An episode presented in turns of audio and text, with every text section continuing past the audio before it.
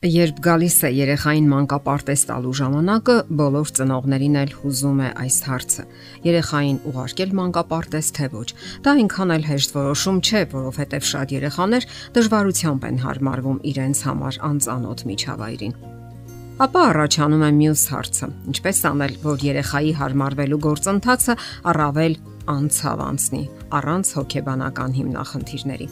Այստեղ մեծ ու կարևոր անելիք ունի ծնողը։ Նա պետք է երեխային նախապատրաստի նոր միջավայրին, կենսական նոր կանոններին եւ նոր իրավիճակներին։ Երեխայի համար նոր միջավայրին հարմարվելը որոշակի սթրեսներ է առաջացնում։ Առաջին հերթին դա վերաբերում է կյանքի փոխված պայմաններին եւ հետո նա պետք է համագործակցի օտար մարդկանց հետ։ Երեխան առաջին անգամ եւ այն էլ միայնակ հայտնվում է իրեն օտար խմբի մեջ առանց ծնողների օգնության ու օժանդակության։ Սա արդեն միանգամայն այլ աշխարհ է, որտեղ գործում են միանգամայն ուրիշ կանոններ տարբեր նրանցից, որոնց ինքը սովորել էր։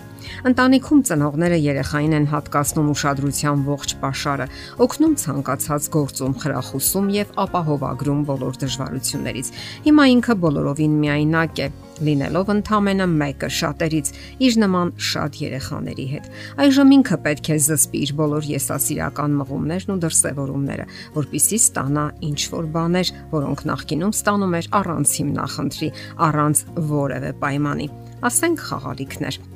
Եթե երեխան հոգեբանական առումով ձևավորվել է, ապա նա հեշտությամբ կհարմարվի նոր պայմաններին, իսկ ծնողը մինչ այդ պետք է նախապատրաստի այդ բոլորին, նկատի ունենալով նաև ժամանակավոր բաժանումը։ Իսկ ծնողը մինչ այդ պետք է նախապատրաստի այդ բոլորին, նկատի ունենալով նաև ժամանակավոր բաժանումը։ Աստիճանաբար պատրաստվելու դեպքում նա առանց ցավի կտանի այդ դժվարությունները։ Իհարկե կան երեխաներ, որոնք շատ են կապված ծնողներին եւ դժվարությամբ են հարմարվում ցանկացած իրավիճակում։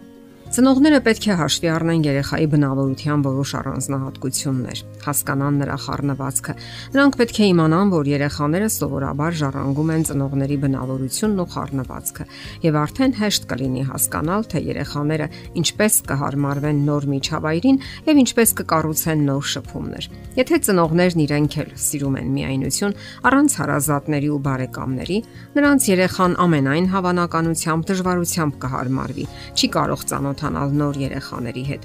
Երեխաները հոգեբանորեն ձևավորվում են մոտավորապես 3 տարեկանում։ Իսկ եթե դեռևս պատրաստ չեն, ապա կարելի է մի քիչ էլ սպասել կամ օգտվել այլընտրանքային մանկապարտեզներից։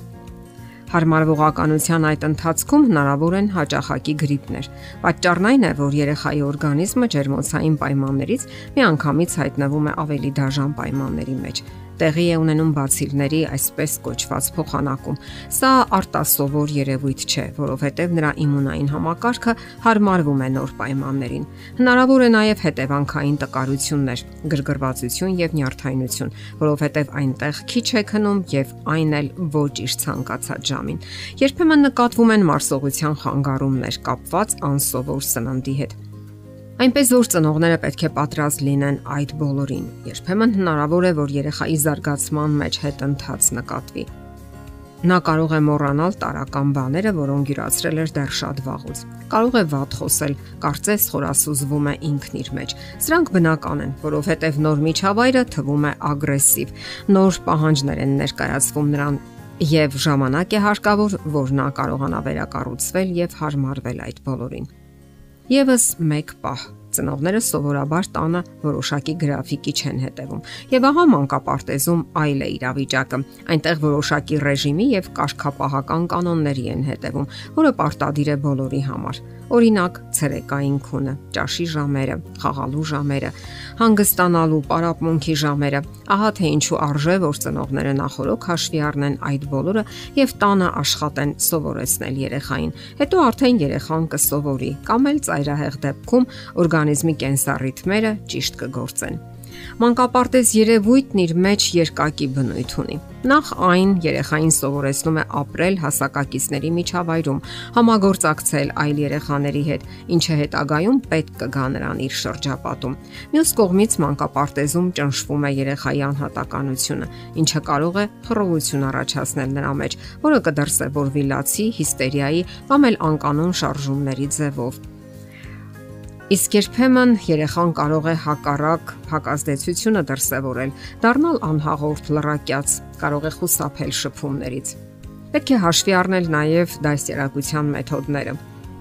Մանկապարտեզի դասյարակի մոտեցումները կարող են տարբեր լինել նրանից, ինչ երեխան սովորել է տանը։ Մինչ երեխային երես են տալիս տանը, մանկապարտեզում հնարավոր են բռնակալական մոտեցումներ, առանց առարկության հնազանդվել, լռել եւ այլն։ Գուցե լինի հակառակը, տանը նրան ճնշում են։ Իսկ մանկապարտեզում տեսնելով դասյարակի կամ դայակի մարդասիրական մոտեցումը, նա դառնում է չարաճճի, ինչպես ասում են, խմբի պատիժը։